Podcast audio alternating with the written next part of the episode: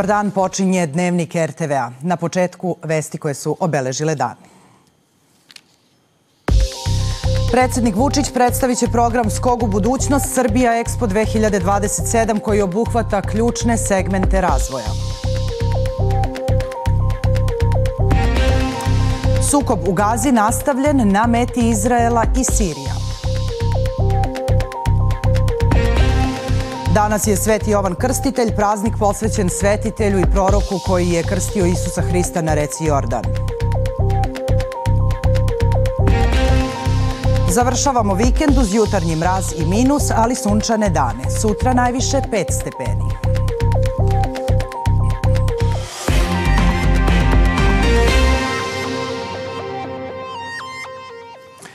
Predsednik Aleksandar Vučić predstavit će u Palati Srbija program Skok u budućnost Srbija Expo 2027 za period od 2024. do 2027.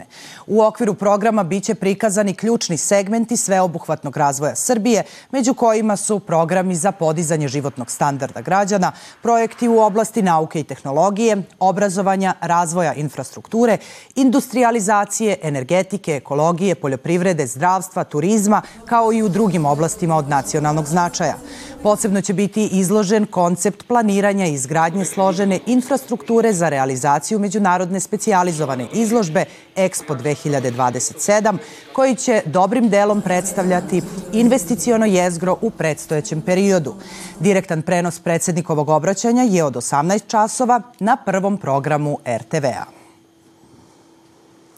U Kosovskoj Mitrovici završeno je prikupljanje potpisa za smenu nelegitimno izabranog gradonačelnika Erdena Atića, izjavila je Sanja Krtinić iz grupe građana koja je inicirala peticiju i istakla da je premašen broj potrebnih potpisa. Potpisivanje peticije počelo je 17. januara u sportskoj hali u severnom delu Kosovske Mitrovice. Potpisi za smenu nelegitimnih gradonačelnika prikupljaju se i u Leposaviću, Zubinom potoku i Zvečanu. Na lokalnim izborima u aprilu prošle godine u te četiri opštine sa srpskom većinom za gradonačelnike su izabrani Albanci. Te izbore bojkotovali su Srbi zbog toga što Priština ne poštuje briselske sporazume zbog stalnih upada specijalnih jedinica takozvane kosovske policije na sever Kosova i Metohije i protiv pravnih hapšenja Srba.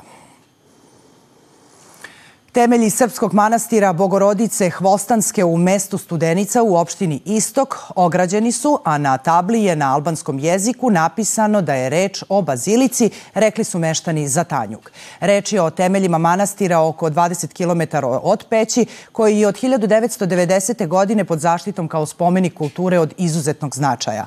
Srbi redko obilaze taj deo Kosova i Metohije, a 2018. godine Albanci su kamenovali dva autobusa sa vernicima iz Beograda koji su se vraćali iz posete crkvi Bogorodice Hvostanske.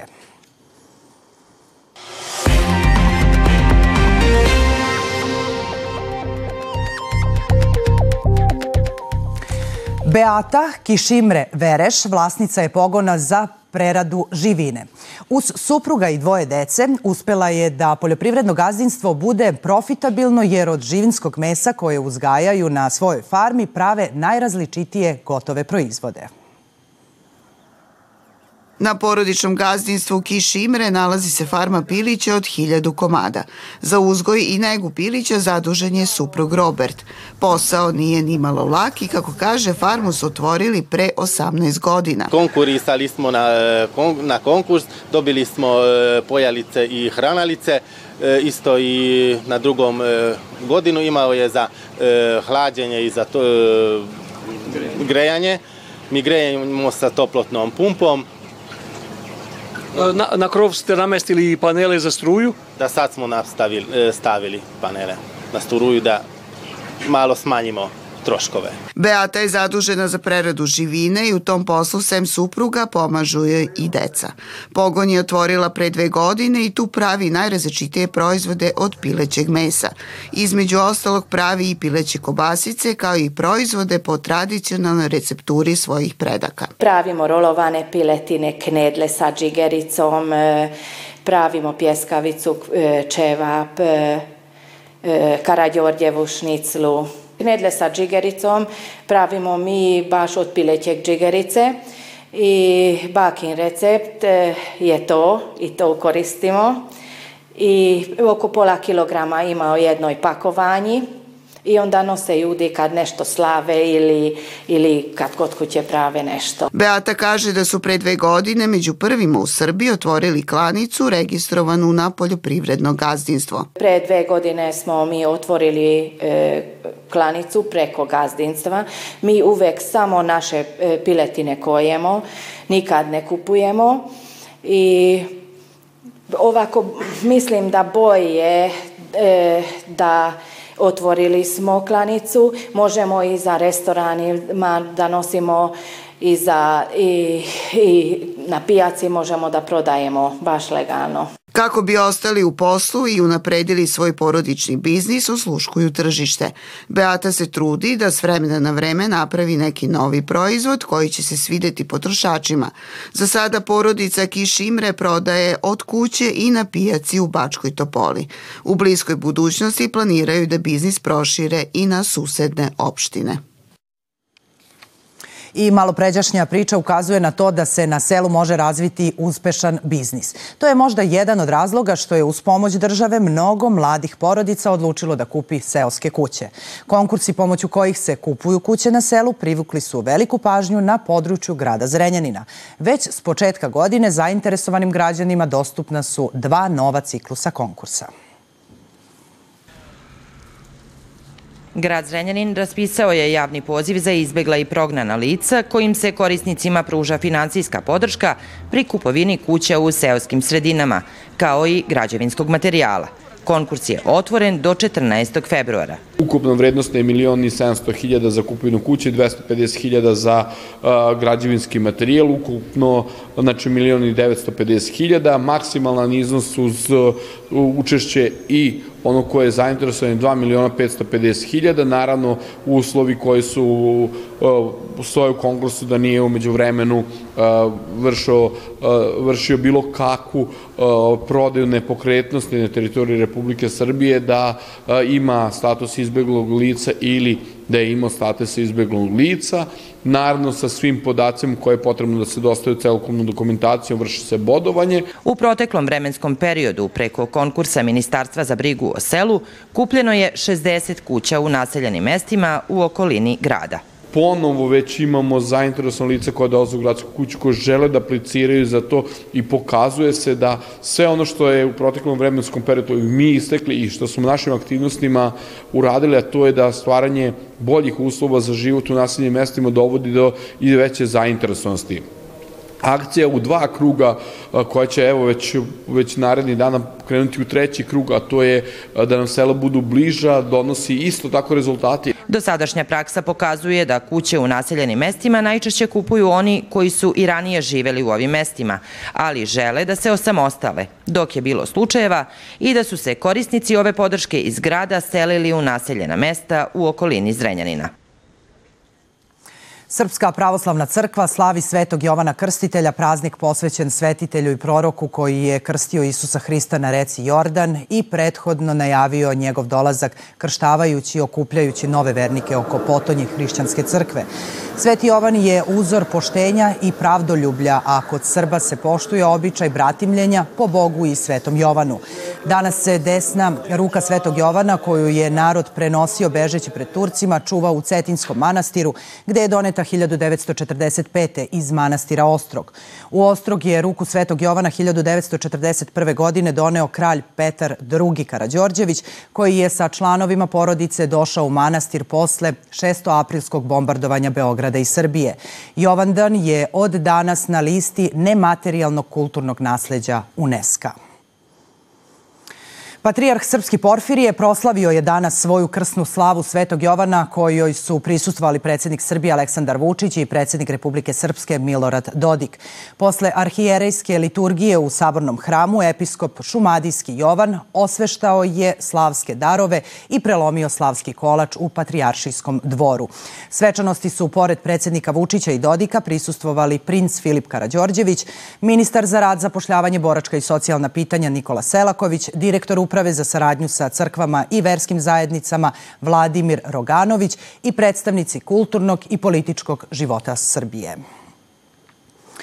Praznici koje proslavljamo podstiču nas da razmišljamo o darivanju i pomoći onima kojima je to najpotrebnije. Sledi priča o Subotičaninu, penzioneru Alajču Mamužiću, koji je odlučio da polovne kuhinske elemente pokloni udruženju za pomoć osobama sa autizmom. Kuća iza Duge u Subotici otvorena je pre 10 godina. U njoj se nalaze prostorije u kojima se obavlja terapeutski i radioničarski rad sa decom koja žive sa autizmom. U samom objektu priprema se i hrana, pa će u tom smislu polovni elementi dobro doći da se postojeća kuhinja malo osveži. Znači će nam jako mnogo iz prostog razloga što uh, mi uh, kako da kažem, ono što smo imali i to smo koristili kako smo znali i umeli, trudili smo se i deca nam nisu ostajala gladna ali sa ovom kuhinjom koja je ipak u boljem stanju, gde mi ipak možemo e, lakše smestiti i te šolje i te tanjire i sve ostalo, a mislim da će nam obogatiti i rad i obogatit će nam ceo, ceo život i ceo, ceo rad sa tom decom. Polovni kuhinski elementi koje je Lajčo Mamužić poklonio Udruženju za pomoć osobama sa autizmom nemaju neku veliku vrednost, ali to u ovoj situaciji nije ni bitno. Bitan je gest ovog subotičkog penzionera koji nije želeo da stara kuhinja, koja je u odličnom stanju, završi na otpadu. Tako da je to jedan pokušaj da pomognemo, da olakšamo toj deci koja su u takvom stanju, kakvom su da i tim volonterima i tim ličnim asistentima da im bude lakše. I to je bio cilj i to je bio e, glavni motivacija moja da se na jedan humani način odužimo nekoj sredini i da pomognemo koliko možemo. Boravak dece u kući za duge dragocen je kako za njih, tako i za njihove roditelje, naročito za one koji rade i koji nemaju kome da ih ostave. Trenutno ovaj objekat dolazi oko pet osoba zajedno sa svojim personalnim asistentima. Novi raketni udari i žestoke borbe, posebno na jugu Gaze, obeležili su i ovu subotu 20. januar. Palestinske vlasti tvrde da je u poslednja 24 sata ubijeno 165 osoba. Izrael je lecima pozivao palestince da im pomognu da pronađu taoce, a vazdušni udari stigli su danas i do glavnog grada Sirije. Strah od proširenja rata u Gazi svako malo prate rakete koje padaju van granica enklave. Od jutros dim iznad prestonice Sirije, a na meti višespratnica koju su koristili igranski dužnostici. Bezbednostni izvori Izrela potvrđuju da su u raketnom udaru ubijena četiri pripadnika iranske revolucionarne garde. Sirijski mediji preko činjenice da je pogođena zgrada u naselju Maze ne iznose mnogo detalja. Oko 10.30 čuli smo tri uzastopne eksplozije. Gađali su zgradu ovde iza nas. U mojoj kući je takođe sve bilo polomljeno. Ograda sa zgrade koja je gađana udarila i u kuhinju. Hvala Bogu da nikoga nije bilo u kuhinji. Rat u Gazi prelama se preko teritorije zapadne obale. Nakon poslednjeg u nizu incidenata u blizini Ramale, stotine ljudi prisustovali su sahrani 17-godišnjeg Tafika Adžaka, ubijenog u petak od strane izraelskih bezbednostnih snaga. Iz Tel Aviva nije bilo komentara, ali kako je reč o dečaku koji je rođen u Sjedinjenim državama, u Beloj kući jeste. Dođite ovamo da vidite šta se događa, da se svojim očima uverite kako živimo, pod kakvim pritiskom i koliko se očeva i majke oprostilo od svoje dece. Informacije su u ovom trenutku oskudne. Nemam kontekst o tome šta se dogodilo, ali smo ozbiljno zabrinuti i bit ćemo u kontaktu sa kolegama u regionu da dobijemo više informacija. Stav Bele kuće o obustavi vatre u Gazi pak nije se promenio, no američki predsjednik Joe Biden potvrđuje da bi se mogao promeniti stav o rešenju koje podrazumeva formiranje dve države. Da li je rešenje dve države nemoguće dok je Bibi na vlasti? Ne, nije. Postoji niz rešenja sa dve države. Postoji veliki broj zemalja koje su članice Ujedinjenih nacija, koji nemaju svoju vojsku i zato mislim da postoji način da bi to moglo da funkcioniše. Promenu stava od svoje vlade traže porodice talaca. Ispred rezidencije premijera Benjamina Netanjahova postavili su šatorsko naselje. Kažu sve u rukama Bibija, kako zovu premijera, jer on je taj koji može da izabere odgovor koji bi omogućio da se članovi njihovih porodica vrate kući. Došli smo ovde, a započeo sam juče i šta i glađu. Očekujem da Bibi izađe i razgovara sa mnom.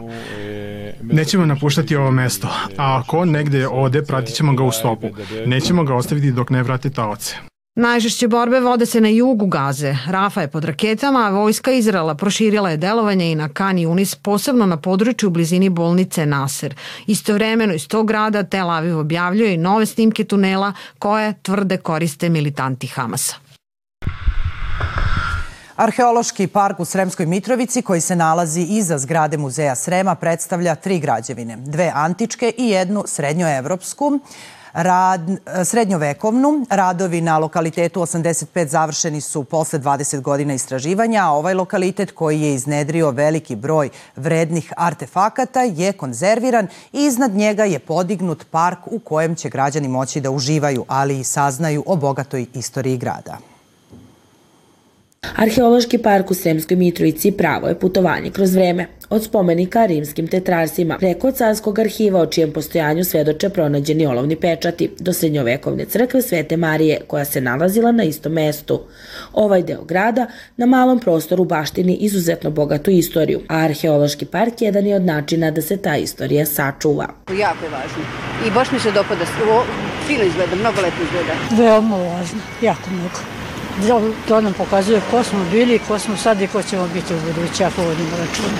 Vredni artefakti koji su tokom 20-godišnjeg istraživanja pronađeni, posle konzervacije čuvaju se u muzeju Srema. Tokom istraživanja u preko 300 grobova koji su nađeni u nekropoli oko crkve, pronađeni su ostaci, oružje i novac. U toj pomenutoj crkvi pronađena je jedna freska izvanredne lepote. Međutim, ta, ta freska je svakako sada na konzervaciji, ona ne može trenutno da se vidi, ali ona, na primjer, neće moći da se prezentuje ovakvim uslovima, jer to bi naravno na nju loše uticalo. Ali možemo, to nas ne sprečava da neki drugi materijal prezentujemo koji će na jedan svoj način oslikati šta se to sve ovde lepo nalazi. Izgled arheoparka je u stvari negativ antičkih hramova. Crvena boja predstavlja zidove, odnosno stubove, a sam objekat hrama nekada je imao kupolu. Dve građevine e, antičke su prezentovane popločanjem u negativu, i to ovaj sa namernom e, razlikom u bojama zato što se ovaj radi o, o različitim periodima građevina koje su postojale dok je srednjovekovni zid prezentovan E, na način da se u stvari e, prikupi sav materijal koji je pronađen i da se on ovaj prosto uredi. Održavanje otvorenih lokaliteta je izazovno zbog klimatskih promena. Sama konzervacija ovog lokaliteta koja obuhvata višoslojne ostatke od rimskog perioda do srednjeg veka. Mi smo formirali komisiju koju su učinili ljudi iz Republičkog zavoda, Ministarstva kulture, našeg muzeja, zavoda, Znači sve eminentne kuće koje imaju stručnjake koji mogu da procene kakva vrsta konzervacije je potrebna za ovakav lokalitet. Znači da se ceo lokalitet prvo uh, konzervira, znači da se zidovi i sve ono što je ostalo u lokalitetu uh, konzervatorski obradi, posle toga se nanosi građevinska folija, slojevi peska do visine zidova i na kraju ide humusna zemlja. Arheopark imaće i svoju upotrebnu namenu, te će moći da se koristi i za kulturna dešavanja. Ono što je potrebno istaći jeste očuvanje kulturnog nasleđa i za naredne generacije. U Kikinskoj Narodnoj biblioteci Jovan Popović upriličena je svečana dodela književne nagrade Đura Đukanov. Žiri u sastavu Jovana Koprivica, Slađana Stamenković i Dragan Babić doneo je odluku da to književno priznanje za 2023. godinu dobije Tijana Katić za rukopis zbirke priča Hod po ivici kruga. Priznanje koje je ustanovila i dodeljuje Kikinska biblioteka dodeljuje se za rukopis neobjavljene knjige priča autora mlađeg od 35 godina, a projekat su podržali Pokrajinski sekretarijat za kulturu i grad Kikinda. Rukopis zbirke priča Hod po ivici kruga Tijane Katić nudi sagledavanje i promišljanje kulture i društva iz perspektive mlade generacije kroz razmatranja nasleđenog i potrage za sobstvenim mestom. Navodi se između ostalog u obrazloženju odluke žirija književne nagrade Đura Đukanov. Tijanin rukopis je jedan od onih koji se izdvojio, čini mislim, na prvo čitanje kod nas kao žirija i generalno je ovo jedan od tih konkursa na koji stiže određen broj rukopisa koji vrede uh, zavređuju štampu, to naravno ne može da se uvek desi, dakle izabere se jedan. Uh, ono što mi kao žiri tražimo jeste nekako herentnost i veza između pojedinačnih priča i zbirke kao celine. Književna nagrada koju dodeljuje Kikinska biblioteka, svojevrsna emisija da se sačuva sećanje na život i književni rad Đure Đukanova, jednog od svakako najznačajnijih banatskih proznih pisaca 20. veka. Istovremeno, konkurs je podrška i žanru kratke priče i mladim piscima, baš kao što je Tijana Katić, koju je zbirka priča Hod po ivici kruga i prva objavljena knjiga. Vrlo mi je drago što je knjiga objavljena u okviru konkursa Đura Đukanov, upravo u kom sam imala i više prilike da, da čujem od njegovih kolega, tako da um, ovo je zaista velika motivacija za dalje pisanje.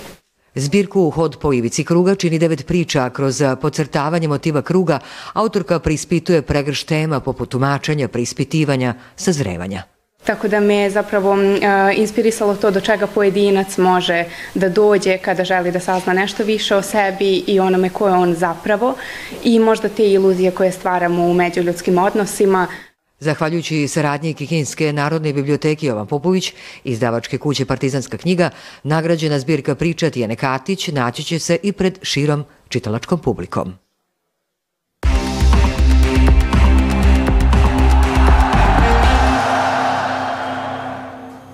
Bojane, na početku sportskog bloka tenis. Tako je, imamo mi još dobrih igrača pored Novaka Đokovića. Srpski teniser Miomir Kecmanović pobedio Amerikanca Tomija Pola u trećem kolu Australijan Opena i plasirao se u osminu finala ovog takmičenja. Kecmanović je triumfovao rezultatom 3-2 po setovima 6-4, 3-6, 2-6, 7-6 i 6-0. On je u maratonskom meču nakon tačno 4 sata igre savladao Pola i tek drugi put u karijeri izborio plasman u četvrtu rundu Grand Slema. Novak Đoković je meč osmine finala Australijan Opena protiv Francuza Adriana Manarina igrati u nedelju rano ujutro od pola četiri po srpskom vremenu. Danas se igraju četiri utekmice 18. kola Košarkaške lige Srbije. U toku je meč između Dinamika i Mladosti koji je počeo u 16 sati. Od 18 časova će se sastati Novi Pazar i Čačak, a u istom terminu će se odigrati i derbi kola Vršac Spartak. Pola sata kasnije na teren će Tamiš i OKK Beograd. U ponedeljak će igrati Džoker i Radnički. Srpski košarkaš Nikola Jokić predvodio je Denver Nuggetse do velike pobede nad Boston Celticsima u NBA ligi rezultatom 102-100 u dramatičnom okršaju. Jokiću je nedostajala samo jedna asistencija za triple-double, a tokom 38 minuta igre postigao je 34 poena, 12 skokova i 9 asistencija. Denver se posle ove pobede nalazi na trećem mestu zapadne divizije, dok je Boston prvi na istoku. Nastavlja Nikola po starom. Tako je, Bojane, hvala ti. Autoputevi u našoj zemlji su prohodni. Protekle noći preventivno bačeno je oko 2300 tona soli, a na čišćenju snega angažovano je 1450 radnika sa 380 vozila, od kojih je 120 na autoputevima. Ipak, snega ima na pojedinim deonicama puteva u višim predelima, pa je zimska oprema neophodna. A hoće li pravo zimsko vreme potrajati, saznaćemo od Sanje Kneževića.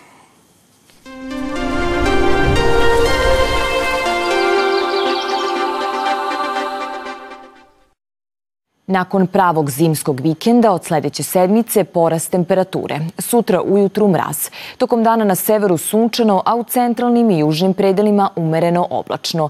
Jutene temperatura od minus 11. do minus 4. podeljka, a dnevna do 5 stepeni u Negotinu. Uveče suvo uz mraz. Početkom nove sedmice umeren do jak mraz u mnogim predelima. Tokom dana vedro i toplije nego za vikend. Samo po kotlinama zapadne i južne Srbije hladnije zbog moguće magle. U Pomoravlju i Podunavlju duvaće umerena košava. Utorak kratkotrajna kiša i susnežica. Od srede osetno toplije vreme. Toliko u ovom dnevniku. Hvala na pažnji. Ostanite uz RTV.